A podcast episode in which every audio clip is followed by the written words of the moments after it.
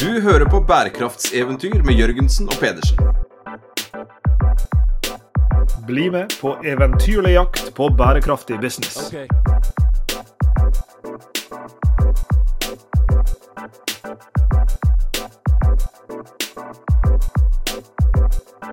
I denne episoden av Bærekraftseventyr så skal vi endelig ta en ekskursjon inn i kjernekraftens verden. Eh, og For å gjøre det så har vi invitert eh, den perfekte gjest. Eh, noen kjenner henne som kjernefysiker og omtaler seg selv som kjernefysiker, mor, rosanard og vitenskaps- og teknologitolk. Og har en doktorgrad i kjerne- og energifysikk fra Universitetet i Oslo. Og kanskje, Sveinung, før vi begynner, har du lyst til å dra bare en kjapp summary av den ph.d.-en som heter 'Aspects of the Thorium Fuel Cycle'? Det ser jeg fram til. ja, altså jeg, leste, jeg må jo si at jeg, jeg satt og leste den i helga. Det, det, er jo, ja. det, er jo, det er noen svakheter der, det, det, er det jo åpenbart. Ikke sant, men Da tar vi det på veien. Ja. Uh, og I det daglige så er jo kommunikasjonsdirektør i Norsk Kjerne, Kjernekraft AS. Uh, jeg snakker selvfølgelig om Sunniva Rose. Velkommen til oss, Sunniva. Tusen, tusen takk. Eh, det er noen svakheter ved doktorgraden min, ja. ja det, det, det, er helt sikkert. Men en, min doktorgrad Jeg var jo så crazy at jeg insisterte på å ha et eget kapittel om outreach, som jo vanligvis ikke mm. Altså formidling av, av, fag, for det har også gjennom eh, min, min da, jobb som forsker på universitetet vært eh, noe jeg virkelig, virkelig har brent for, og for så vidt fremdeles brenner for. Men nå er jeg ikke på universitetet lenger. Nå er jeg i Norsk Kjernekraft AS, som dere sier. Så uh, tusen takk for at jeg får komme til dere. Ja, Velkommen skal du være. og Jeg tror jeg skulle hatt en, i hvert fall en 10-12 år med tilleggsutdannelse hvis jeg skulle funnet noe som helst svakheter i det arbeidet der. For jeg, jeg sliter jo med å skjønne hva et atom er. Ja. Eh, og så skal man snakke om atomkraft. og så Fysikersønnen min da, på videregående som prøver å forklare meg liksom, om spalting og har vært på meg lenge på kjernekraft. altså Det er jo kjernekraft vi trenger, eh, fatter'n. Eh, og det er jo en av grunnene til at vi har invitert deg òg. fordi vi leter jo etter nye energi, energi kilder. Og, så ligger det noe der ute. Litt sånn mytisk for mange og, og uforståelig for andre. Så tenkte vi fanken, nå må vi jo bare invitere Sunniva og få, få, forklart dette. her, For jeg, jeg, tror ikke jeg og Lars Jakob er de eneste som ikke helt skjønner hva atomkraft, kjernekraft eh, er for noe. Så, du, så sånn sett så kan du egentlig begynne på, på begynnelsen. Altså i begynnelsen var atomet. Ja, hva, ja, hva, hva er, er, atomet? Eh, jeg blir veldig glad for å høre at sønnen din er på deg. Eh, og det, før jeg nå går videre inn for å forklare på en måte fysikken i atomkraft eller kjernekraft, så eh, er det litt morsomt som sier at ja, sønnen din er på videregående, og han er liksom veldig på. For det er jo også det vi ser faktisk nå på undersøkelser, når man ser på det norske folk sitt holdning til kjernekraft, så er det jo et ganske stort skille mellom over og under 40. Så liksom de, de unge er mye mer positive enn de eldre. Eh, og, og, så er det også en, også en kjønnsforskjell. Unge, unge, menn det er de aller mest eh, positive. og Eldre kvinner er de mest negative. da har vi på en måte fått, uh, fått det på det rene. Men ja, eh, atomkraft, kjernekraft, Først bare for å ta det begrepet der, for det kan man bli forvirret av. Det er det, er det samme. Jeg bruker Jeg er litt sånn konsekvent på å bruke uh, kjernekraft fordi det handler om atomkjernen. Men når folk sier atomkraft, så snakker de om akkurat det samme. Uh, og ja, kjernen, atomkjernen. Så vi starter da med atomet, som du sier. Alt er bygget opp av atomer. Uh, og disse atomene de har jo en atomkjerne. Uh, og denne eh, no, Eller noen, noen store, tunge atomkjerner, som uran eller plutonium f.eks., de har den evnen at vi kan få dem til å dele seg i to. Den delingen det er det som kalles for fisjon eller kjernespalting. Eh, men, men, ja, fisjon, og dette er for så vidt begreper dere kjenner fra businessverden, men fisjon og fusjon betyr jo akkurat det samme. Fisjon er å dele seg, og fusjon det er å gå sammen. Her snakker vi da om fisjon, å dele seg. Eh, noen av disse, som uran og plutonium, de har den egenskapen at vi kan få dem til å dele seg, og når de gjør det, så får vi frigjort eh, store mengder energi. Og det er fordi at alle atomkjerner de holdes sammen av den sterkeste kraften som finnes i universet, den sterke kjernekraften. Så uten denne kraften så vi har de forskjellige, de forskjellige kreftene som vi kjenner til. Vi har tyngdekraft, det er én kraft, den kjenner vi jo på hele, hele tiden. mer og mer. Eh, Det er elektromagnetisk kraft, som er liksom eh, Ja, at eh, når magneter dyttes fra hverandre og elektrisitet og sånn. Eh, Og så er det sterk og svak kjernekraft. Og det er den sterke kjernekraften som altså holder atomkjernene sammen. Eh, Og, eh, og når denne frigjøres, så Altså, ja, det, det er den sterkeste kraften, og det er, det er et viktig poeng. Fordi det frigjøres, som jeg sier, store mengder energi. Og jeg skal gi et bilde på det. For hvis vi sammenligner den energien vi får når vi deler én atomkjerne, med den energien vi får hvis vi har én eh, på en måte vanlig forbrenningsreaksjon, sant, som skjer hver gang vi brenner kull, olje, gass eller bio, for så vidt, så er det karbon som reagerer med oksygen og danner CO2, og det gir energi. Eller uran spaltes og man får energi. Ok, Hvor stor er den forskjellen? Vil dere gjette hvor mange ganger mer energi man får når man deler en atomkjerne i to? Er crazy? 1000. 1000, hva vil du, Sveinung?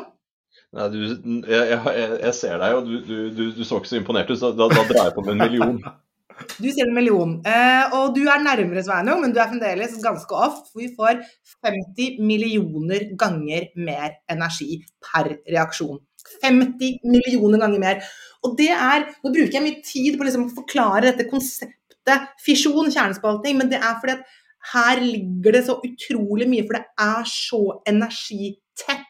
Og det er et veldig viktig poeng når man kommer inn på hvor mye avfall får vi, hvor mye plass trenger vi, hvor store naturinngrep osv. osv. For vi må jo se på alle disse tingene vi skal sammenligne forskjellige energikilder. Så må vi jo se på hvor mye areal trenger vi per terawatt-time produsert? Hvor mange dør per terawatt-time produsert? Hvor mye sjeldne metaller trenger vi? Alle disse tingene her.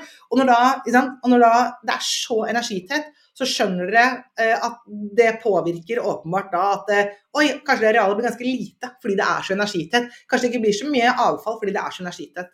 Um, men i hvert fall, så det er det som skjer. Og så, eh, ok, og, hva gjør vi med det? Jo, eh, når disse atomkjernene da deler seg, vi kan jo da lage brenselstaver av de her lange, lange Um, lange sånne staver eller rør med, med uran eller for så vidt plutonium i dem. Og når disse spaltes, så blir det varmt. Og varme det har vi jo holdt på med en god stund å utnytte. Så da kan vi f.eks. Um, koke vann, da. Jeg hadde en tidligere kollega som um, han var kjernekjemiker. Han sa å Sunniva, jeg skal ikke ta det på svensk, jeg tar det på norsk. Åh, du vet, det skjer bare Det skjer så mye sexy fysikk og kjemi inni det brenselet, men til syvende og sist så koker vi vann. Det er det vi gjør. Um, så det er en fancy måte å koke vann på. Sånn sett så er det et kjernekraftverk er, eh, er i prinsippet et varmekraftverk på samme måte som et kullkraftverk eller et gasskraftverk eh, også er. Så vi tar varme, og det kan vi gjøre om til å da Vi kan utnytte varme direkte, for så vidt, eh, men vi lager jo også strøm av det, da. Um, og, og det, er, det, er, på en måte basicen for hva er kjernekraft. Og så kan jeg si at det er selvfølgelig ekstremt mye sikkerhetsgreier rundt det her. Både passive sikkerhetssystemer, som, hvor jeg helt kort sagt kan si at man utnytter fysikkens og kjemiens lover til at disse kraftverkene f.eks. ikke kan løpe løpsk. Og da rekker kanskje noen opp hånden og sier hva med Tsjernobyl? Vi skal sikkert snakke litt om Tsjernobyl også, fordi det var jo en reaktor som løp løpsk. Eh, og den var da ikke konstruert på en slik måte som jeg sier at eh, man skal gjøre det på, og som alle kjernekraftverk som har vært bygget i Vesten noensinne, og selvfølgelig alle som vil bli bygget, har disse passive sikkerhetssystemene inni seg. Um, og så har man selvfølgelig masse ting som det som kalles for aktive systemer, som er det man kanskje vanligvis tenker på som sikkerhet. At man selvfølgelig en åpenbar ting er at man kan skru ting av, man kan trykke på en knapp og så si nå skrur man av alt sammen. Man har en voldsom Altså hele reaktoren er pakket inn i en sånn eh, kraftig betonginneslutning som skal tåle at et fly krasjer inn i den uten at den blir ødelagt, som da eh, åpenbart beskytter om du skulle ha på en måte en, en worst case scenario-ulykke, eh, at radioaktive stoffer ikke skal slippe ut til omgivelsene. Så det er bitte lite grann om da sikkerhetssystemer rundt eh, kjernekraft. Check it out.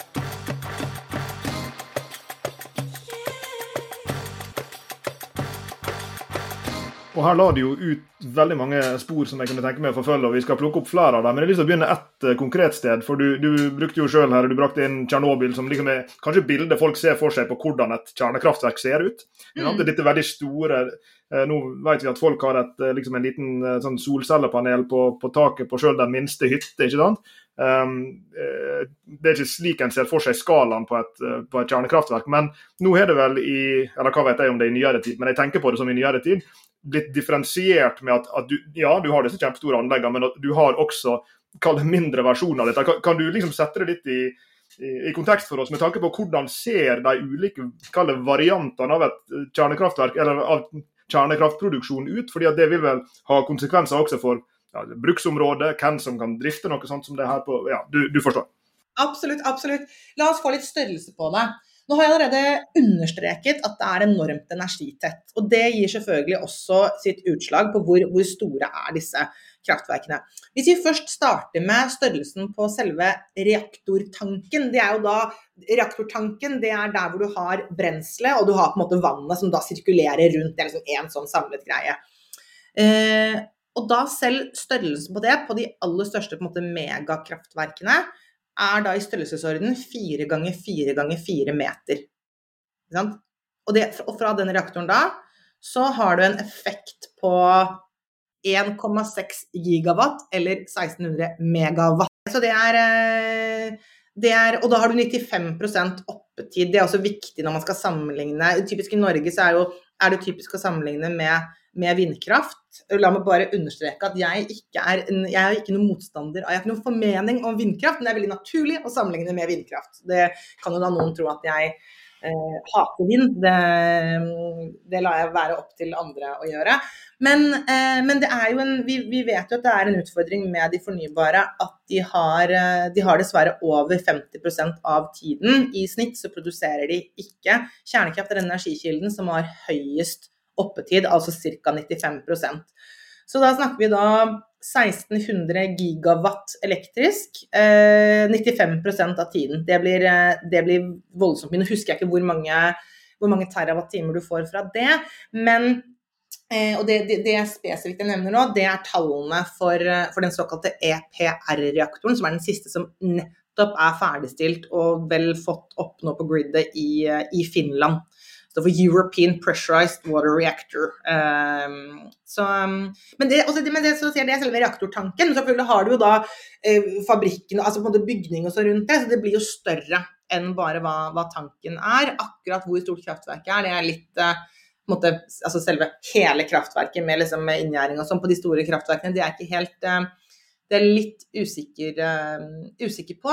Men jeg skal komme inn på mer konkrete størrelser på det som kalles for små reaktorer. For der har jeg enda mer begrep om helt konkret størrelse. Men jeg vil bare si én ting også, fordi det er Det det er liksom to ting mange tenker på når de hører kjernekraft. Det ene er Tsjernobyl, det skal vi sikkert komme tilbake til. Um, og så er det andre er disse kjøletårnene, som er sånne Jeg syns de er veldig flotte, egentlig, da. Eh, sånne, sånne kjøletårn. Eh, men de, de, de, som er som en sånn, hva skal jeg si, en sånn sylinder som går inn, eh, inn på midten. ja. Um, og, og, det er jo kjøletårn. Um, det som slippes ut av disse, er damp. Jeg tror det, selv det, det er en liksom vanlig misforståelse at uh, folk tenker at de står og slipper ut at, at, det er røyk eller radioaktivitet eller et eller annet sånt noe, men det, det, er vanndamp som kommer ut av de. En annen ting som kan sies om den type kjøletårn, er at um, de er mer brukt til, kule, til kullkraftverk enn til kjernekraftverk, faktisk. Så et sånt kjøletårn er ikke engang ensbetydende med, med kjernekraft. Så bare for å ta, ta, den også. Men uansett om det er kull eller kjernekraft, så er det damp, vanndamp de står og slipper ut. Eh, ok, men tilbake til dette med størrelsesforhold. Så det var da eh, den store liksom sånn giga- eller mega-megakraftverk. Men så er det det som det snakkes en del, eller snakkes ganske mye om nå i dag, som er på en måte kanskje noe av det mest altså, kjernekraftindustrien er ikke den som er kjent for mest innovasjon. Det er, liksom veldig, det er en veldig veldig konservativ bransje, og det skal det nok på veldig mange måter også være. Men så det mest innovative som, eller noe av det mest innovative som skjer nå innen kjernekraftindustrien, det er at man eh, går mot det som kalles for små modulære reaktorer. Og eh, poenget her er jo da små. Hvor, smått det er, er smått. Det er fremdeles ganske sånn stort i form av hvor mye strøm det produserer. Eh, fordi da snakker vi om at um, mens disse store kraftverkene de de har en effekt i 1000, 1000 megawatt. Eh, så de store kraftverkene de er da i måte, størrelsesorden 1000 pluss megawatt. De små er 100 pluss megawatt. Så eksempel, og det vet jeg på en måte helt konkret, fordi det er en type reaktortype som, som norsk kjernekraft ser på, uten at det betyr at man har giftet seg med den, men det er for å ha liksom, helt konkrete eksempler, så er det sånn at den, um, en, denne reaktoren som utvikles av GE Hitachi, som er en sånn SMR, små modulære reaktor, SMR, um, den har da en effekt på 300 megawatt. Uh, og da vil, vil jeg si at på et år så kan den levere 2,5 terawatt-time. Eh, og det er vel ca. strømforbruket til 100 000-150 000 nordmenn ca. Så det er ganske Det er mange som på en måte kan ha bruk for en sånn type liten reaktor. Og her kan jeg se størrelsen da på hele kraftverket med sikkerhetssone og alt mulig. Det er da på størrelse med en fotballstadion. Det er da med sikkerhetssonen rundt kraftverket også. Så, så, hovedgreia med de små reaktorene er, ja, de er mindre. Enda mer fokus på sikkerhet. Altså, liksom, hver gang man bygger noe nytt, nå, så vil det være enda flere måte, lag med sikkerhet. Det er en del ting på at de eh, måtte plasseres sånn halvveis ned i bakken, det gjør dem enda sikrere osv. Så, videre. så det er liksom en, en, fotballstadion, det er størrelsen på absolutt um, alt. Uh, og, altså, hvor, og, hvorfor er disse på en måte innovative? Um, konseptet. Det er fremdeles, eh, det er fremdeles eh, uran som spaltes. Eh, det er, fremdeles, ja, det er fremdeles snakk om fisjon. Det er på en måte samme greia, men man gjør det mindre. Det som er interessant med det, er at da går man fra at Altså når du bygger disse megakraftverkene, så er de så store at man bygger dem så sjelden at hvert kraftverk blir nærmest som en prototype å regne. Um, og da er det ikke veldig rart at man får kostnadsoverskridelser og at man får tidsoverskridelser. Det tror jeg gjelder det absolutt aller, aller meste man gjør. Store prosjekter som man gjør første gang. Da har du ikke kontroll på tid og kostnad på samme måte som når du lager det tiende eller hundrede eh, eller tusende eh, av et eller annet. Så det som er på en måte, det jeg vil trekke fram som hovedgreia med sånne SMR-er, er at man går for da å serieprodusere disse reaktorene på dedikerte fabrikker. Eh, og det skal gjøre at man får kontroll over tiden det tar å bygge dem, og hva det kommer til å koste å bygge dem. Og jeg ser ikke noen grunn til at det ikke skal gjelde for kjernekraftverk når det gjelder for absolutt all annen industri, teknologi, ting man, ting man, lager. Her kan sikkert dere muligens arrestere meg og si noe mer på det, men det er på en måte business-wise at dette er, eh, er, interessant.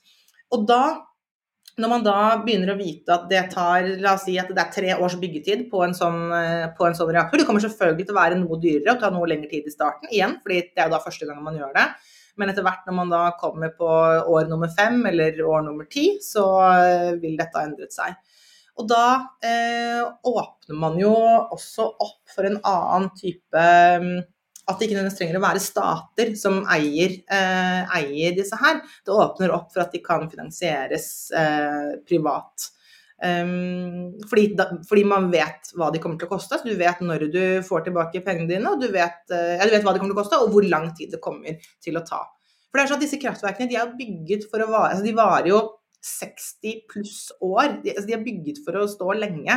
Og du vet at selv de med sånne store kostnadsoverskridelser per i dag, de også går i pluss. Men når du ikke vet når det skjer, om det skjer om 10 år eller 20 år eller 30 år, det er klart at da er det litt mer usikkert. Når du på en måte du får et annet, du får et annet bilde å forholde deg til. Så det er spennende.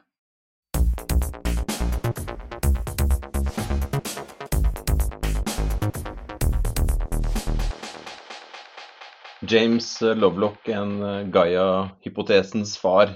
Han var vel tilknyttet Universitetet i Oslo en stund som sånn æres, eh, æresprofessor. Han, han, sa i sin tid at uh, han ville absolutt tenke på som en miljøverner, uh, aktivist. Han sa uh, var absolutt for kjernekraft, og han sa hvis det var noen som var i tvil, så eller mangla et sted å grave ned avfallet fra dette her. For du har dratt nå prosessen og, og størrelsen og, og vannet og terraene. Og, og, sagt, fortalt oss nå at det, det, kommer damp opp, men så er det jo et avfall der, et avfallsprodukt. Og han sa at det kunne du gjerne grave ned i hagen hans. Det, det, han, han, han, sa det, han kunne ta en for laget, liksom. Det så han. For, dette her mente han Eh, har ment lenge. Dette er noe vi trenger. Og I går på, i, i, forelesningen så kom jeg, jeg i prat med en, en, tysk student, og så fortalte jeg at eh, vi skulle prate med deg i morgen, for han sa han kom fra Essen i Tyskland, en sånn energiområde. Så viser det at han og en kompis som også satt i, i editoriet, de to um, var på utveksling, men de var tilknyttet og jobbet i en, en bedrift i, i, det området som faktisk lagde de beholderne eh, som man eh, la dette avfallet ned i. Så det var en artig, artig link for meg. Altså, og jeg prøver nå å å ta de da over i, i etterlivet, avfallsdelen der. For ja. alt, alt, det fram til nå, for du sier vi skal komme tilbake til Tsjernobyl, så tenker jeg nei, kanskje ikke vi skal det. Uh, I denne omgang kanskje vi, vi kan godt hende vi skal det, men samtidig også, alt høres utrolig sånn rosa, rosenrødt ut. Jeg tenkte prøvde å dra noe rosa, jeg klarte det ikke. Ros, jeg prøvde. Men altså, Det høres så greit ut. Men hva, er det noen sånne hull her i den, i den gode logikken? Eh, jeg syns ikke det er hull, men selvfølgelig skal vi snakke om avfall. Det er kjempeviktig. Det er en, eh, men bare for å si det om kanskje vi ikke skal snakke om Tsjernobyl, kan eventuelt gjøre det på en annen, annen episode. fordi eh, Nå har jeg allerede sagt at eh, den, eh, den, reaktoren, Tsjernobyl-type reaktoren, det var en La meg si helt kort. Det var en egen type reaktor. Den var utviklet og ble kun bygget i gamle Sovjet. Eh, den ble vurdert eh, av eh, bl.a. utkom det, mener jeg å huske, en omfattende rapport fra, fra Storbritannia, som til og med ble ferdigstilt på en måned før ulykken skjedde i 1986. For det er alltid interessant å se på nye, nye konsepter og på en måte hva, hva er dette for noe. Og den hadde jo noen veldig spennende ting ved seg. F.eks. så var den veldig økonomisk på brensel. Åpenbart positivt. Men som hovedkonklusjonen var at, uh, fra denne rapporten var at den Tsjernobyl-type reaktoren, den kalles en RBMK-reaktor, den har noen store sikkerhetsmessige problemer, og den kommer aldri til å bli bygget i Vesten. Det var, så, så, det var ikke noe sånn Fra et fysikkperspektiv så var det ikke noe ukjent at det som skjedde i Tsjernobyl, kunne skje. Så nå har jeg sagt at de reaktorene som både som har vært bygget i Vesten, og i hvert fall som kommer til å bli bygget fremover, de kan ikke løpe løpsk. Det er fysisk umulig. Det var ikke fysisk umulig for Tsjernobyl å løpe løpsk. Men så kan vi heller, altså, heller, noen da mase om at vi burde snakket mer om det, så kan vi heller komme tilbake til det en annen gang. Jeg syns det, er et spennende spor, og, og jeg, jeg, har jo sett på, på, på, Netflix. Eh, og når jeg litt sånn naivt sier at vi ikke trenger å prate om det, så en ting er reaktortypen, men jeg synes det er, når jeg ser det, så hører det ut til en helt annen type tid. Og de menneskene involvert, og de beslutningene som ble tatt, og den manglende kommunikasjonen, så tenker jeg liksom er det, Det er derfor jeg tenker, er det er, er, er, det, er, det, det som er Hva er det viktigste? Er det det fysiske som du trekker frem, eller, eller er det de menneskene rundt som, som håndterte det? Begge deler. Det er begge deler. Ja, og jeg syns jo, jeg har sett Tsjernobyl-serien, HBO-serien. Jeg syns det er en kjempegod serie. Så skal det så sies at um, jeg, har, altså jeg, har, jo drevet en, en blogg i ti år. Nå har den vært veldig død de to siste årene, men da jeg så Tsjernobyl um, Eh, serien, så hadde jeg sånn fagrecaps fra hver episode. Hvor jeg gikk gjennom liksom, ting som ikke var faglig helt riktig. fordi Ikke for å ødelegge serien, men sånn hva er det, hva er det som skjer her egentlig? Uh, for det, syns, uh, det er det mange som syns er spennende. Um, men, men jeg syns serien var veldig, veldig god. Og en ting jeg syns den som du egentlig peker på her, at den viste veldig tydelig, var jo også hvordan det sovjetiske systemet og samfunnet var, og hvordan det også gjorde det mulig for den ulykken å, å skje. Um, og det var jo det var jo blant annet, altså Ironisk nok så var det jo en sikkerhetstest som skulle gjennomføres den natten da ulykken skjedde. Var den sikkerhetstesten som, som kjørte reaktoren til et sånt punkt at den faktisk da løp løpsk. Og så, eh, og jeg vet at den ble på en måte presset igjennom fra, fra toppen av eh, liksom fra Moskva, den, den, skal gjennomføres. Og da kan man selvfølgelig også spørre seg sånne spørsmål som ja, ulykken skjedde jo natt til 26. april. Eh, var det noe press på her det skulle være gjennomført for 1. mai? Var det viktigere at det var ferdig før 1. mai? Altså, ting som, og dette vet ikke jeg, fordi jeg er ikke Det er ikke kjernefysikk.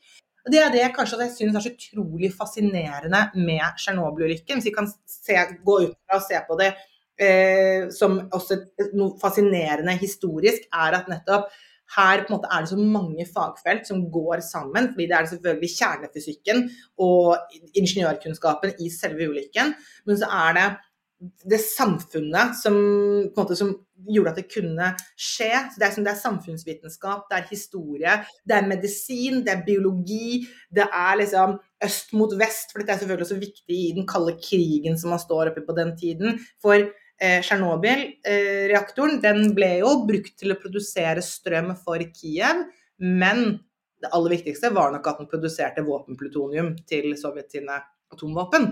Eh, og det skal også sies at for at den skulle være en sånn si, en god eh, våpenplutoniumprodusent, så var det også viktig der, Derfor kunne den ikke ha den type betonginneslutning som jeg også nå tidligere har nevnt at eh, skal tåle liksom enorme påkjenninger.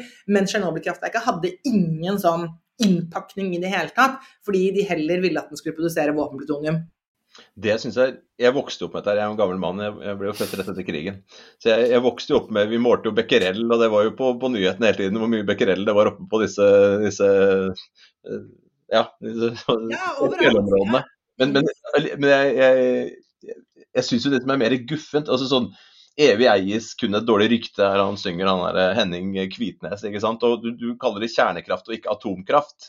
Og jeg tenker liksom Atombombe det er jo én ting. ikke sant? Jeg, jeg, et, mer behagelig på en måte å snakke om kjerne enn atom, på en, på en, måte der. Men så har jeg liksom mot Japan, og det er ikke så veldig mange år siden. Og det tenker jeg mer som moderne samfunn. Og for meg, da, hvis jeg skal liksom ha noe sånn Og det går på følelser, det går ikke på kunnskapen om det. Men, men hos meg så vekker det mer sånn følelse av litt uro at i et, et, et, et, land med den type kultur og kunnskap, og jeg antar også teknologi, og at det var litt skjørt der nede, det syns jeg på en måte nærer i tid og mer guffent å forholde meg til enn en Tsjernobyl. som jeg kan, Selv om jeg har opplevd det på en måte, som, for jeg levde også da, så, så virker det på mer fjernt og distansert fra en annen type kultur. Men Japan, det, det må være litt sånn dårlig det, det, Ja, sånn bidra til et dårlig rykte. La oss gjerne snakke om Fukushima-ulykken. Jeg har bare lyst til å si, for Nå var du innom dette med becquerel og så, liksom, Vi får ikke forklart alle disse begrepene på denne podkasten her, men da vil jeg være så eh, så frempå at jeg også, som dere ikke nevnte innledningsvis, jeg er også forfatter av boken 'Vi er stjernestøv kjernefysikk for folk flest'. Uh, og det er jo en bok. Den er, um, den er, veldig rosa. Jeg skal vise den fram til dere som ser meg nå. Det gjør jo ikke dere som hører, men den er veldig, veldig rosa. Uh, men det er da en kjernefysikk for folk flest-bok. og der der forklarer jeg alle disse begrepene. Hva, hva, er becquerel, hva betyr det egentlig, og hva har det å si for liksom Er, er det farlig? Um, og det er selvfølgelig ikke et ja-nei-spørsmål for det, bare siden du nevnte becquerel. For becquerel det er målet for radioaktivitet. Og det, det det helt konkret måler, det er hvor ofte um, tar et eller annet radioaktivt stoff og sender ut stråling. Og da er det sånn at, og Hva er et radioaktivt stoff? Jo, vi mennesker er et radioaktivt stoff. Vi har en radioaktivitet, og radioaktiviteten til et gjennomsnittlig voksent menneske er 5000 becquerel. Hvis jeg bare hadde sagt 5000 becquerel, så ville de fleste antakeligvis tenkt sånn wow, 5000, det høres mye ut.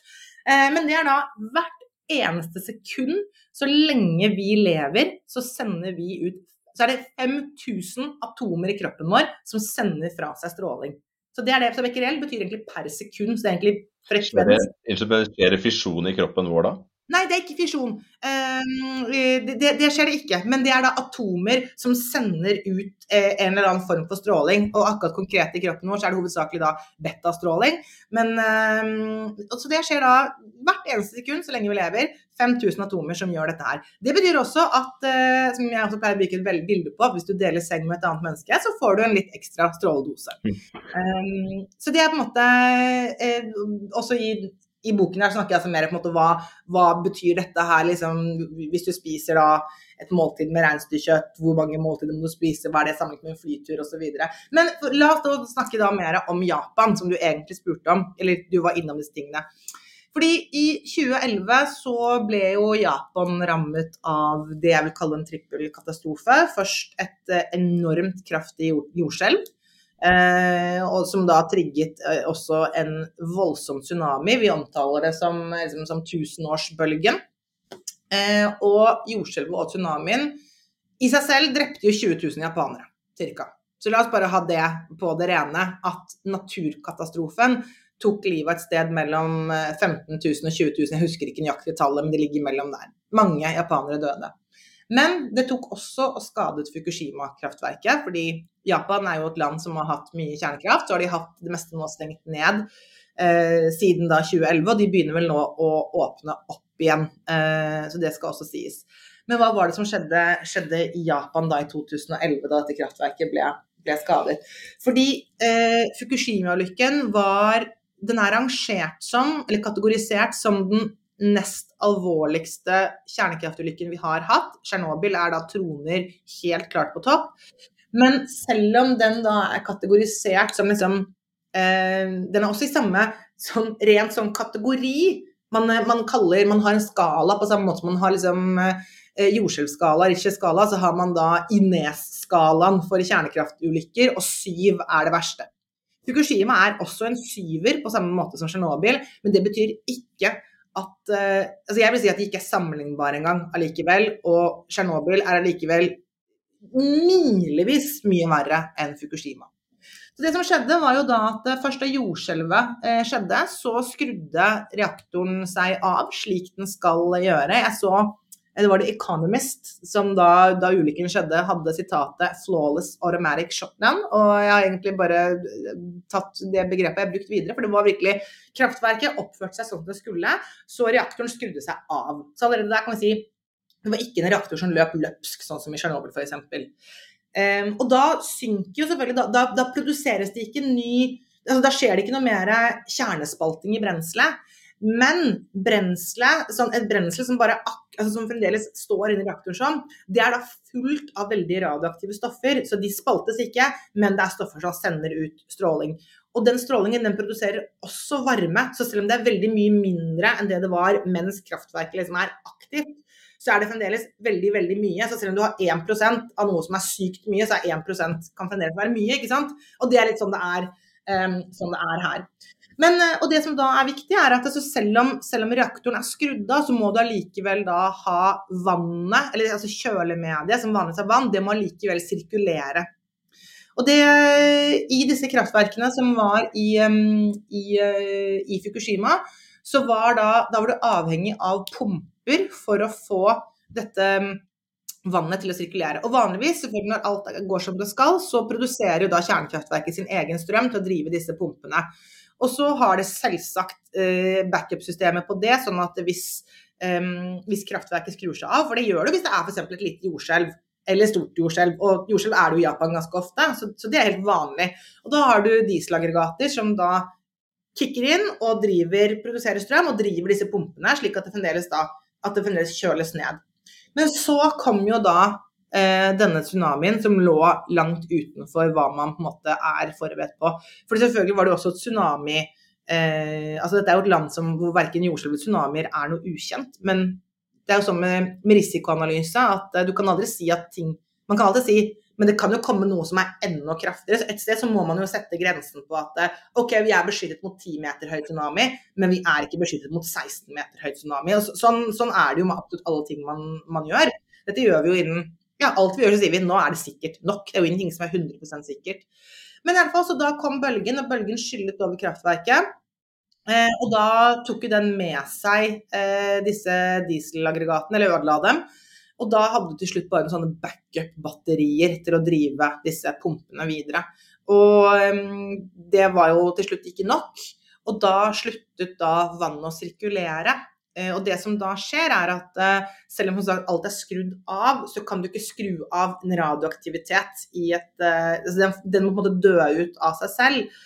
Sånn at um, eh, når vannet da står der stille, så, så, så, fungerer det jo ikke som kjølemedium lenger, for da fortsatt blir det varmere og varmere.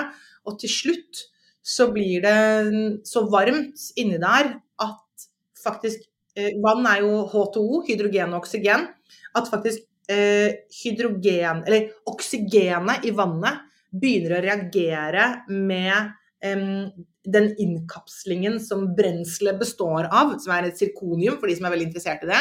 Sånn at sirkonium og oksygen reagerer sammen, og da får du spaltet ut hydrogen. Og hydrogen er jo da en gass, Og det er en veldig brennbar eksplosiv gass. Vi har alle sett Hindenburg i brann, eller vi har på en måte lekt oss med knallgass, som det jo også kalles. Så det, det, skjer når det blir varmt nok. Og det var det som var den virkelig alvorlige tingen som man da ser at oi, nå produseres hydrogengass. Dette er ikke ukjent kjemi, det er ganske grunnleggende egentlig. sånn at da fikk man da ventilert den ut. Men den er jo da veldig eksplosiv, så den eksplosjonen man sikkert alle, eller veldig mange kan huske at man så skremmende bilder av fra Fukushima, det var hydrogengass som eksploderte utenfor reaktoren. Det var ikke en atomeksplosjon, det var ikke reaktoren som eksploderte, men det var hydrogengass i bygningen rundt. Nå går jeg veldig detalj, i detaljer her, men det er på en måte Ellers så blir det bare til at jeg bare sier ja, men de var ikke sammenlignbare. Det var ikke, det var ikke så ille, det var ikke like alvorlig. Liksom, men det er på en måte det som, som skjedde. Og så er det sånn, Men hvorfor i all verden eh, had, altså I et land som Japan, hvor man, hvor man, vet at tsunamier altså Dette ligger ved kysten, og det gjør det jo gjerne fordi kjernekraftverk trenger stor tilgang på, på et stort reservoar med kjøling. og Det er typisk enten havet eller en stor elv. Så Det er jo det vi har sett også i Europa i sommer. Liksom kraftverkene i Frankrike f.eks. ligger langs de store elvene.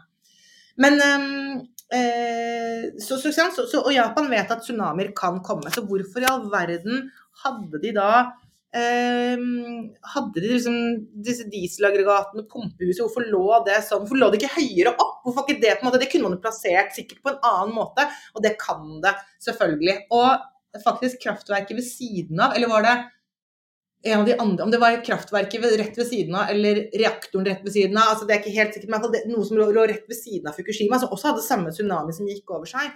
Der var det ikke noe problem i det hele tatt, for der hadde de nylig oppgradert dette pumpehuset, og liksom sånn at det ikke ble ødelagt av tsunamien. Og hvorfor var det noe sånn i utgangspunktet? Jo, dette var en ca. 40 år gammel reaktor som er eh, Det er et amerikansk design som var kjøpt fra USA.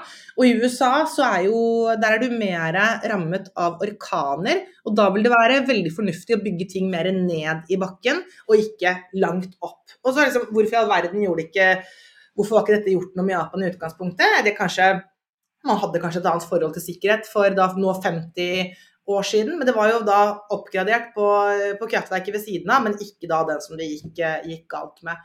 Og så ble det da utslipp eh, til omgivelsene av radioaktive stoffer. Men nå skal jeg si noe som jeg syns er litt viktig. Fordi ja, eh, japanerne ble utsatt for ekstra stråling, altså ekstra radioaktivitet i maten sin eh, pga. Fukushima.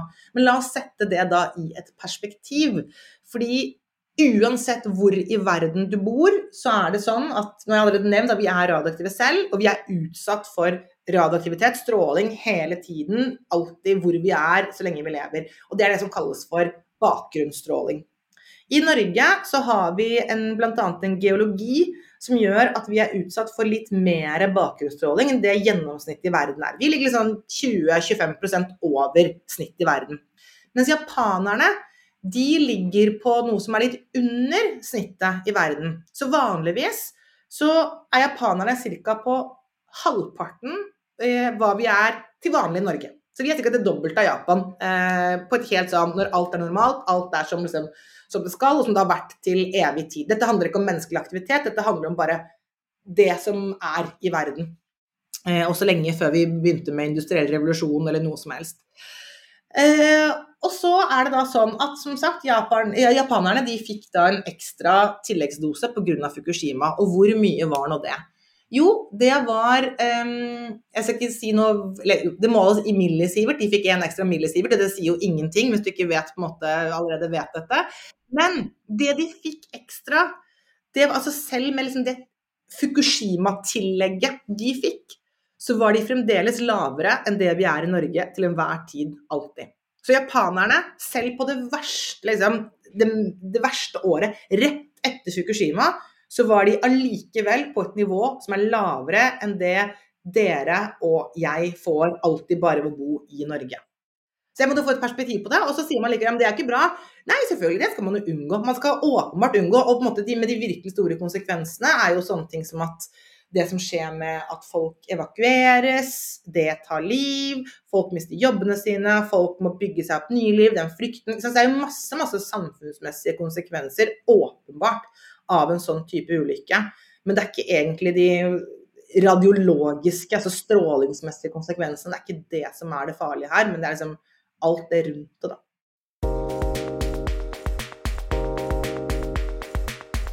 Nå skal jeg prøve meg på en eh, spagat, og alle som kjenner meg vet at det er jeg fryktelig dårlig til, både fysisk og mentalt, men jeg skal prøve likevel. Nå skal jeg prøve å dra oss fra det som du snakker om nå, Sunniva, som er eh, som bl.a. handler om spørsmålet ja, hva er det som må være sant for at dette skal funke. Ja? Og så er du inne på noe som er veldig interessant, og det er jo det her med ja, de ulike geografiske forholdene som gjør at Japan trenger ikke å se ut som USA, trenger ikke å se ut som Norge, som Nettopp. Russland og hva det måtte være. Og så er det jo andre sånne hva er det som må være sant? Uh, spørsmål som, som, også er der. For liksom, Hvis vi skal liksom, kikke inn i spåkula da, og se for oss at på et tidspunkt så er det en forlatt, forlatt fotballstadion i en uh, norsk by, hvor det har blitt laga et uh, sånn, sånn mikroreaktorbasert anlegg fordi det passer inn på en forlatt fotballstadion. Så, så, det er sånn den ene sånn kikke fram mot hva er det som skal være på plass her. Og så var vi innom noe, men fordi det er så mye gøye ting å, å snakke om, så, så uh, forlot vi det igjen. Og det var jo hagen til James Lovelock. Ja? Det er spørsmålet knytta til, til, avfall. Så jeg har lyst til å bare liksom, mikse det inn i, i, i, drinken her. Og så har jeg, har jeg, da en tredje ting, og det er liksom dit, dit, vi også må komme oss her. Og, og, det er jo noe av utgangspunktet her med at du selvfølgelig reps, uh, også representerer Norsk Kjernekraft AS. Og dere skal jo nettopp forsøke å, å få, få, dette her til med et modulære kjernekraftverk. Eh, i samarbeid som det står på nettsida deres med kraftkrevende industri. Og så skal dere gjøre det som det står her på, på vårt språk, eh, på en måte som er forenlig med god ESG. Altså med andre ord, dere skal minimere og det er her jeg prøver meg på denne spagaten, dere skal minimere da disse miljømessige fotavtrykkene. Dere skal kalle det maksimere den sosiale dimensjonen knytta til sikkerhet. I alle fall som, som, du sier, da, sikkerhet på et nivå vi kan leve med. Så, så høye bølger eller så hva, hva nå enn trusselen måtte være da, mot, mot, sikkerheten her, en sikkerhet som folk kan leve med. Eh, og, og, og, da er det sånn, og nå, det, nå, prøver jeg å samle mange tråder inn i et spørsmål her. Men, men, men, hva er da, hvis vi kikker inn i spåkula, hva er det som skal til her da for at dere kan komme dit hen? Og, og hva er liksom tidslinja før noe sånt uh, kan skje? Så her var det mange, mange, ting å bite i på en gang. ja, Du startet med å si at uh, nå har vi jo allerede snakket, har snakket om uh, Sovjet som på en måte er litt utenfor, så vi kan, det får vi heller gå mer i dybden på en annen gang hvis vi, hvis vi, vil det. Men vi har vært innom USA, vi har vært innom Japan, og at det åpenbart er, for, det er, liksom, det er forskjellige forhold.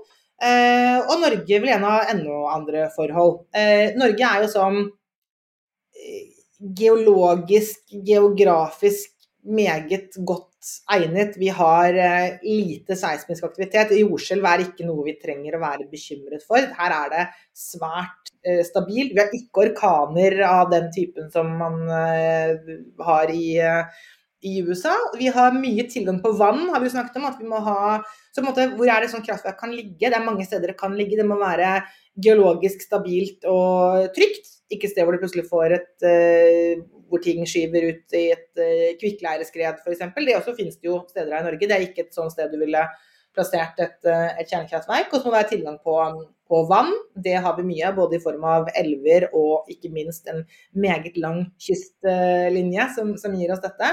Og så må det jo være på et sted hvor man trenger den type eh, den type mm, kraft som sånn type, en sånn type SMR kan levere.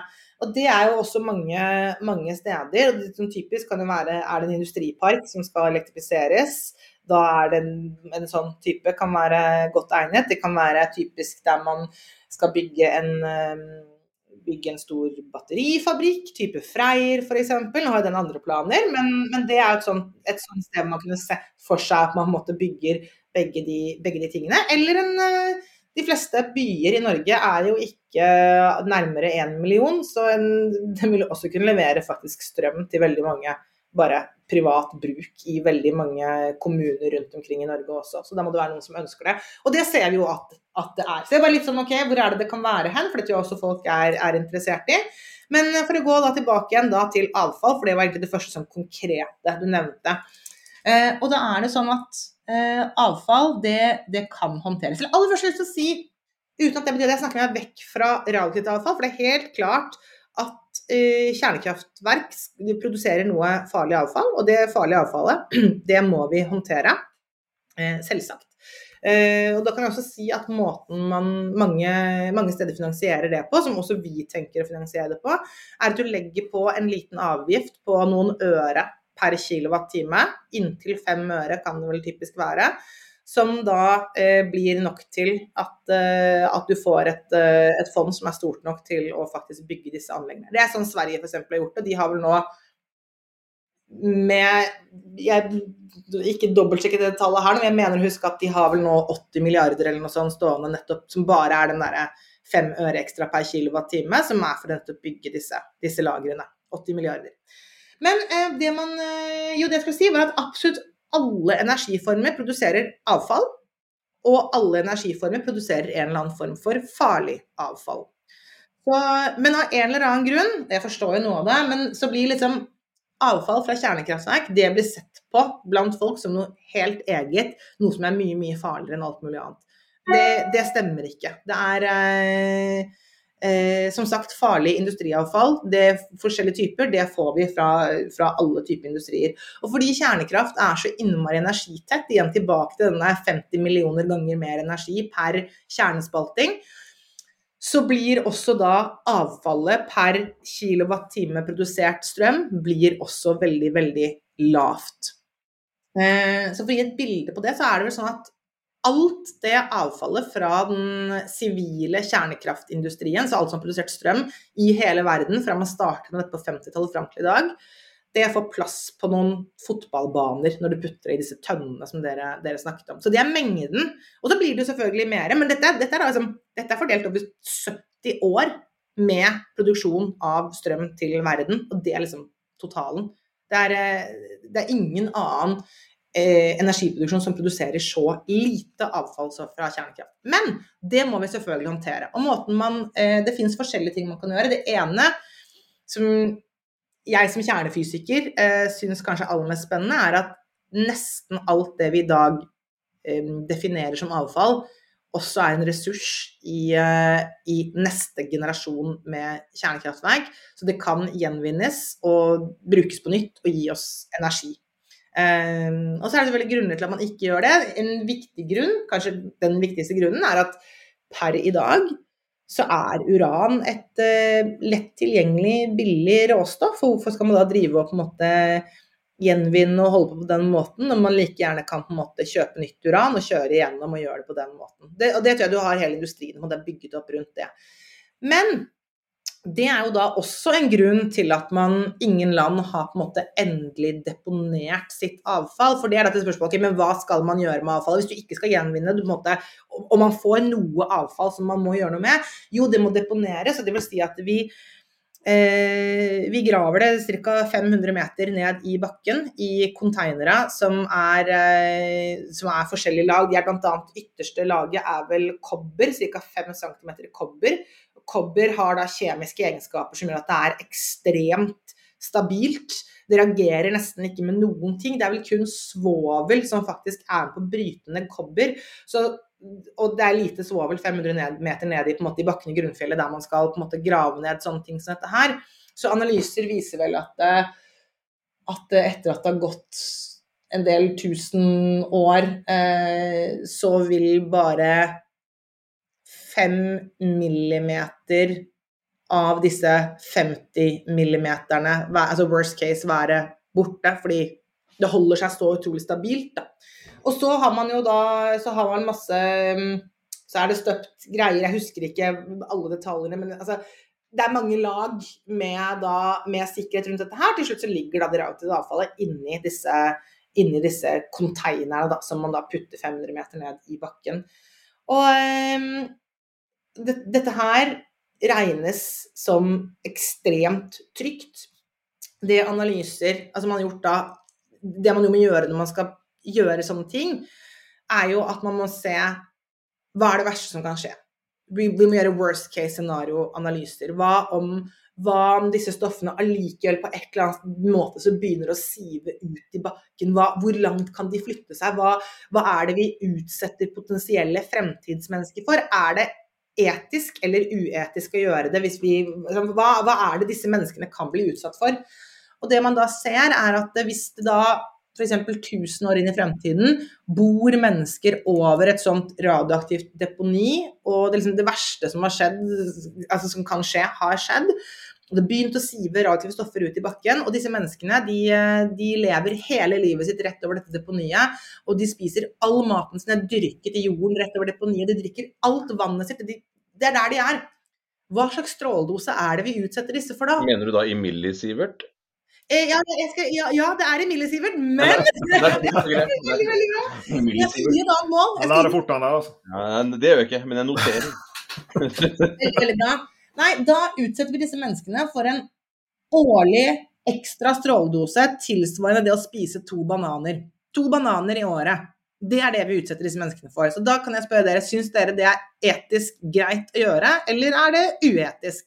Dere trenger ikke å svare. Jeg syns iallfall det er etisk greit å gjøre. Jeg syns det er greit å utsette potensielle fremtidsmennesker for i en worst case scenario, at de får en ekstra stråledose tilsvarende å spise to bananer. Jeg har en tre år gammel sønn, han spiser vanligvis to bananer hver eneste dag, og jeg er overhodet ikke bekymret for, eh, for det i det hele tatt. Og så tenker man kanskje What? Hva er bananer? Hvor kom, hvor kom de inn i, i dette, dette, bildet her? Nå har jeg jo allerede sagt vi er relative selv. Absolutt alle, alle alt liv um, er radioaktivt. Uh, så all, all, maten vi spiser er også radioaktiv. Uh, bananer er litt ekstra radioaktive fordi de har mye kalium i seg. Så alle matvarer som er en god kilde til kalium, banan er en god kilde til kalium, de vil også ha litt mer eh, radioaktivitet. Det er derfor de har på seg pysjamas hvis de sover sammen? det er nok derfor. Det er nok det er derfor. derfor de har det. Det er nok det, er nok det Sveinung. Det er det. Ha. Så å finne Jeg syns det er helt greit med to bananer, hvis du lurte på det. Jeg syns det er helt greit. Ja, det, jeg syns også det. Um, så, så, det er sånn man håndterer avfall. Uh, og dette er jo da blitt vurdert av uh, både av f.eks. Finland, er det landet som har kommet lengst i verden på et sånn endelig deponering av avfallet sitt. Og det at det ikke er gjort ennå, det blir også ofte um, misforstått som at det er helt umulig å få til. Både teknisk og, og liksom for samfunnet. Men nå er det sånn at eh, alt det avfallet som, som man en skal endelig deponere ned i bakken, det skal man først eh, ha som mellomlager oppe på bakken, altså ikke ned i bakken, i minst 40 år først. Så, så, det skal ikke ned i bakken før det har gått minst 40 år.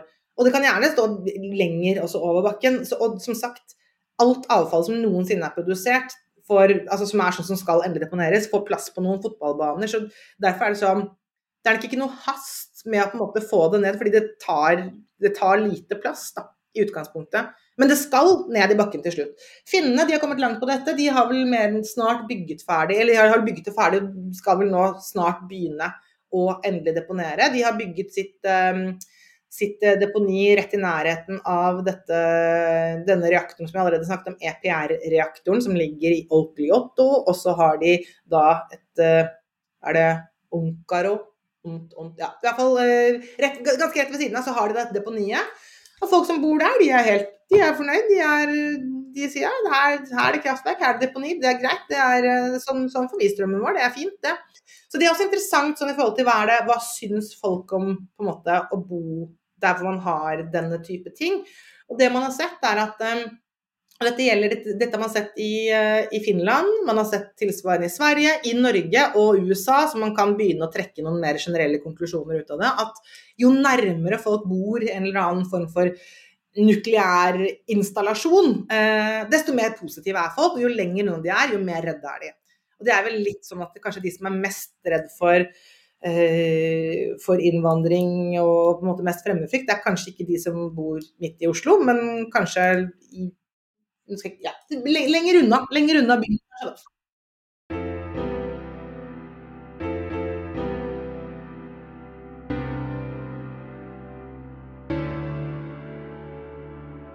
Så det du beskriver er en litt sånn pedagogisk utfordring. Da. Hvordan fortelle denne historien, da, som du, som du sier selv med, med, med, boka di 'Vi er stjernestøv'. Altså det, det er liksom pedagogisk uh, forklare hva er det, hva er alternativene. Uh, Jakob, en, en, av de mange spørsmålene han var inne på i sted, var jo dette her med, fremover i tid da, i, i Norsk Kjernekraft AS. Ja. Hvis dere hadde sittet i dag da, og, og fått uh, konsesjon, og så hadde man uh, fått de pengene som var nødvendig med den teknologien som finnes, hvor, hvor, lang tid? Og jeg, jeg spør for en venn. Eh, vi har en, eh, en kollega på, på, NHO som skrev på, på, på, Facebook forrige uke at han plutselig hadde fått en student eh, som ville skrive om kjernekraft og se på vurdering av risiko og mulig miljøgevinst i sammenligning med andre energikilder. Og Så skrev han ut at nå måtte han jo lære seg litt om, om kjernekraft. Og Så sa jeg at vi skulle ha besøk av deg, skrev jeg. Og så har han et spørsmål her som han har stilt, og som han ba også stille deg. og det er jo, Jeg har allerede sagt det. altså tidsperspektivet, da, gitt den teknologien som finnes, hvor langt uh, ville det tatt, gitt at man da fikk eh, lov til det, før dette her var oppe og stå? Jeg, jeg syns jo trist at det skal gå utover alle disse fotballbanene. Hvis han funnet et sted det ikke var en fotballbane, da, og man kunne ha bygd det, hvor, hvor langt, uh, lang tid ville det ta å bygge ut trygge og velfungerende reaktorer? Som kan utgjøre en reell forskjell i energiproduksjonen, skriver han. Først må jeg bare si at jeg synes Det er utrolig gøy å høre at dere nå å, at det dukker opp sånne studenter rundt omkring. Det er også det vi har merket i for Norsk Kjernekraft jo, ble jo stiftet i fjor sommer, og så var det i midten av september at eh, vi gikk ut og sa at eh, hei, vi har laget et selskap som heter Norsk Kjernekraft AS. Eh, og jeg begynte å jobbe der fulltid 1.10.2022. Så det er ikke så lenge siden. Og med en gang jeg fikk en mail som på en måte som er en norsk kjernekraftmail, og vi andre som også jobber i selskapet, har jo fått så utrolig mye eh, henvendelser. Eh, veldig mange av dem er fra studenter. Det som er veldig veldig gøy å se, er jo nettopp at det er Eh, det er studenter og folk med, fra helt forskjellige typer, altså forskjellige bakgrunner. Det er nettopp det er folk som Det er økonomistudenter, det er jusstudenter, det er selvfølgelig typiske ingeniør- og realfagsstudenter. Men det syns jeg er utrolig gøy, for det er jo åpenbart at vi, vi trenger ikke bare vi trenger definitivt ikke bare realister for å gjøre sånne ting. Igjen, det er som det knytter alle disse aspektene sammen. Det er åpenbart at her er det, her er det juss som vi på en måte ikke har en sånn type den type erfaring med, det er en annen type ja, hvordan, hvordan, fungerer dette her i et økonomisk perspektiv. Så ja, og, Men da til, til, spørsmålet ditt om tid, gitt at, um, at vi, får, uh, vi får, fortsetter å ha medgang og ikke masse motstand. Og det vi da, bare for å si det, det vi på en måte trenger sånn fra, fra myndighetenes side Vi ber jo ikke om penger. Vi er ganske tydelige på at vi skal gjøre dette uten subsidier. Vi skal, vi skal finansiere dette her privat. Det mener vi at det skal være mulig å få til. Så vi, vi, spør, ikke om, eh, om, vi spør ikke om penger i det hele tatt. Men vi spør om å ikke bli motarbeidet, og at vi vil f.eks. Um, ehm, vi vil trenge noe rundt det regulatoriske må på en måte ordnes eh, opp i. Det er ikke forbudt å bygge kjernekraft i Norge i dag, det er det en del som tror, men det er, det er fullt lovlig. og det er, liksom, det er, et opplegg for det. Men vi må nok ha en fornyet atomenergilov og litt sånn type ting. Men så la oss si at dette, dette går veien. Så vi får vi får da den. Vi blir ikke motarbeidet. Og da mener vi at da kan vi ha dette første eh, lille kraftverket i Norge om ti år. Så det er samme tidsperspektiv som flytende havvind, som bare for å sette det igjen i et, uh, i et, perspektiv. Så er vi også såpass bold at vi mener at hvis vi blir motarbeidet, så vil det ta 15 år. Men uh, la oss heller si på, på hva er, er hvis ting går veien. Da er det ti år. Og det er det, det, det, hoved, hovedaspektet med det er at disse, disse, som lager disse små modulære reaktorene, det er jo det er ikke én type ting. Jeg har allerede nevnt at jeg nevnte vel så vidt GE Hitachi, som er en av disse eh, som driver og utvikler små modulære reaktorer. Rolls-Royce er en annen seriøs aktør som man kan, kan stole på. Det er britiske Rolls-Royce som Um, det er vel kanskje det som er aller best kjent for folk flest. De er kjent for å kunne produsere god teknologi. De har også spesifikk kompetanse på at de har faktisk levert reaktor til den britiske marinen i 50 år. Så de har også en veldig Når de sier at dette her er vi ferdig med nå om x antall år, og da, det, det er på en måte aktører du kan stole på så er det vel rundt en 70-80 forskjellige konsepter i verden i dag som driver og utvikler små modulære reaktorer, og mange av dem kan man nok mer kalle powerpoint-reaktorer, som kanskje aldri kommer lenger enn det. Men du har liksom hele da spekteret nettopp fra da GE Touch Rolls-Royce til powerpoint-reaktorer. og vi, det, det, er også en grunn til at vi sier at vi skal, uh, vi skal se på kjent teknologi i liten forpakning. For en del av disse små modulære reaktorene er også mye mer ny type teknologi, det er mer ja, ikke måte, det kjente konvensjonelle som vi på en måte har testet ut i 50-60-70 år, bare i mindre forpakning. Jeg tror det på en måte er det mest fornuftige å starte med. Og da mener vi at om ti år så vil du ha dette her i Norge. Fordi byggetiden som da som de disse som jeg da nevnte her spesifikt, de snakker om, de snakker om at det kommer til å ta ca. tre år å bygge en sånn reaktor. Um, og da uh, regner G sin pris, det spurte de ikke om, men den er vel ca. 8 milliarder kroner. Um, og som da min Eh, han som er uh, Jonny Hesthammer, som er fungerende daglig leder og styreleder i selskapet. Han, jo, han, er geolog og har bakgrunn fra olje, oljebransjen. Det er han som har gitt meg dette og sier at ja, det er ca. prisen på å bygge ut sånn middels norsk oljefelt på 50 millioner fat. Så dette er jo ganske kjente Og det er lignende også energi ut av det, da. Eh, bare uten de problemene som oljeutvinning kommer, eh, kommer med. Så dette er jo type energiinvesteringer som vi er godt kjent med.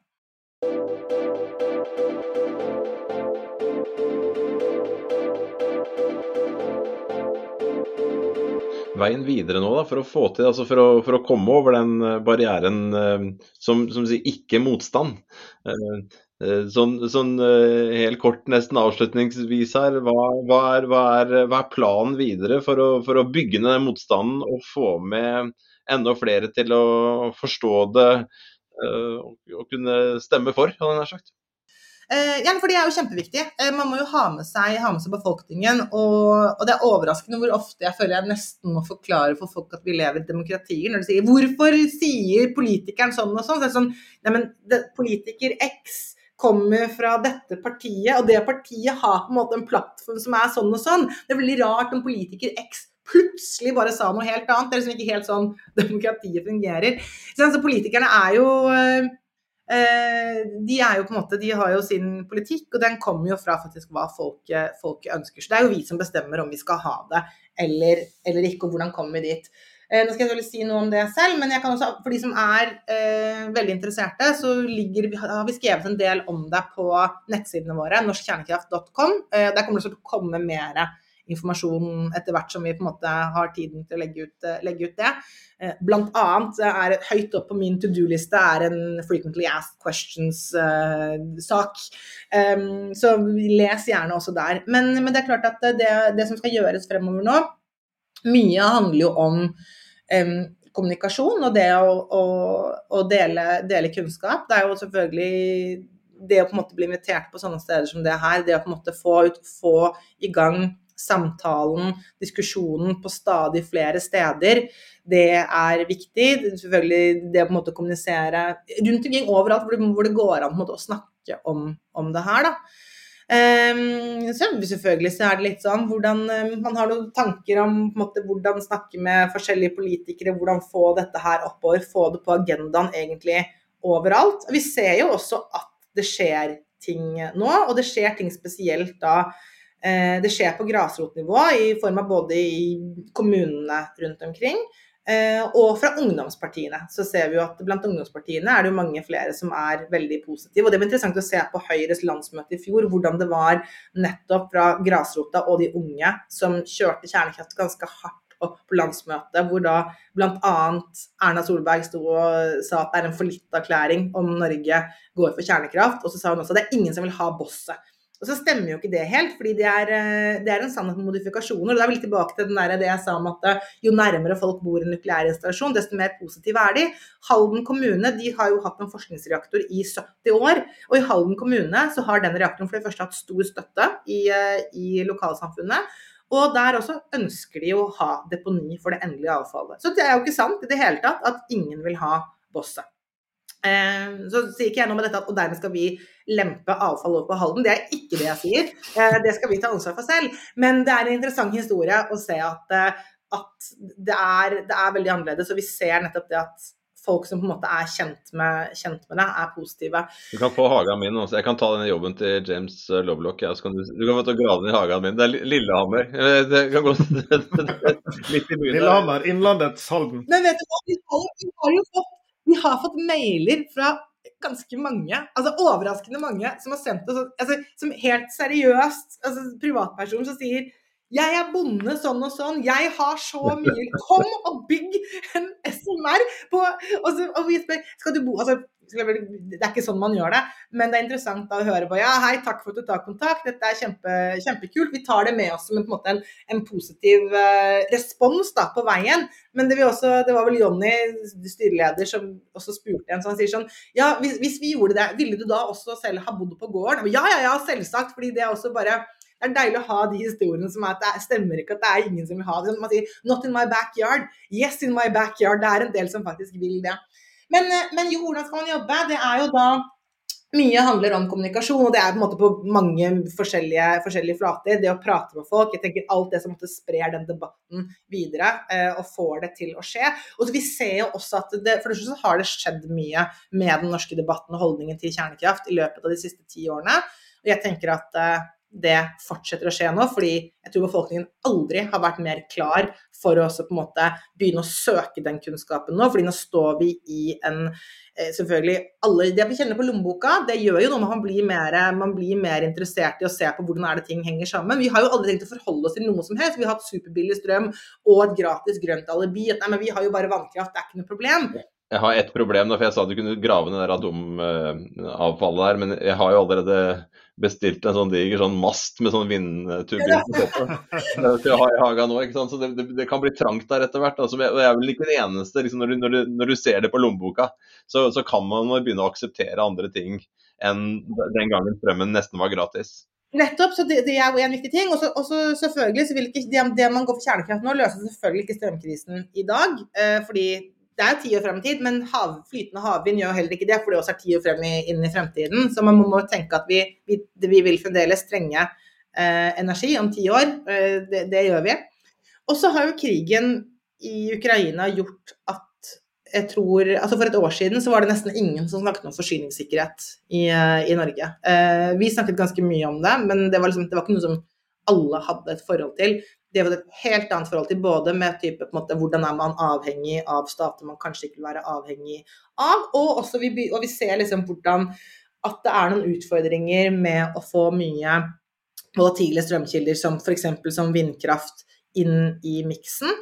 Eh, det, det, gir noen utfordringer i form av priser som ikke er bare bare. Vi må ha et helt annet type nettverk for å sørge nettopp for denne forsyning, forsyningssikkerheten. Og der mener vi at at eh, kjernekraft definitivt kan være med å spille en viktig rolle. Jeg tror jo rent personlig at kjernekraft kombinert med vannkraft og vindkraft på toppen, at det kan, at det kan være veldig, veldig, en veldig bra eh, kombinasjon. Da.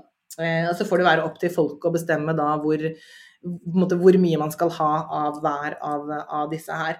Men, eh, men, en annen viktig jobb er jo også da det som går på nettopp å, å analysere de forskjellige teknologiene. på en måte Hvem er det vi faktisk kommer til å til slutt Vi har ikke giftet oss med Rolls-Royce eller GE Itachi, men hvem er det vi til slutt skal gifte oss med? Og hvor er det vi på en måte skal faktisk bestille en slott eh, for å, for å kjøpe den første reaktoren?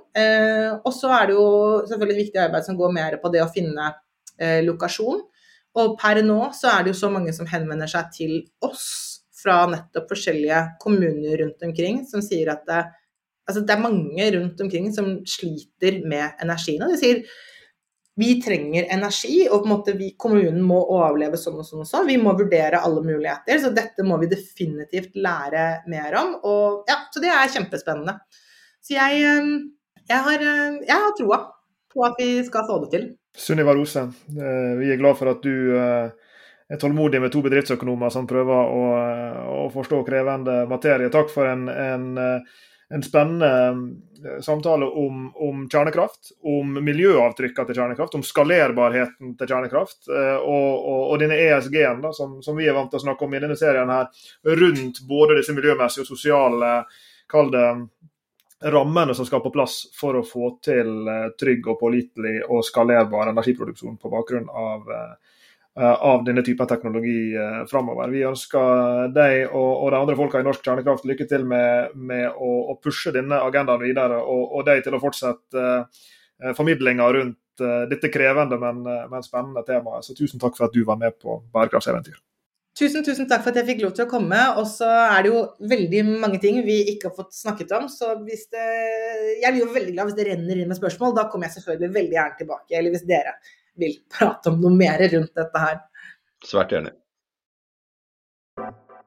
Du har hørt på Bærekraftseventyr med Jørgensen og Pedersen. Send e-post til eventyr.krøllalfa.jorgensenpedersen.no for å stille spørsmål eller komme med forslag til tema for fremtidige episoder. Og besøk jorgensenpedersen.no for mer informasjon om denne podkastserien. Derfra kan du også fortsette samtalen med oss i sosiale medier på Twitter, Facebook, LinkedIn, YouTube og andre steder.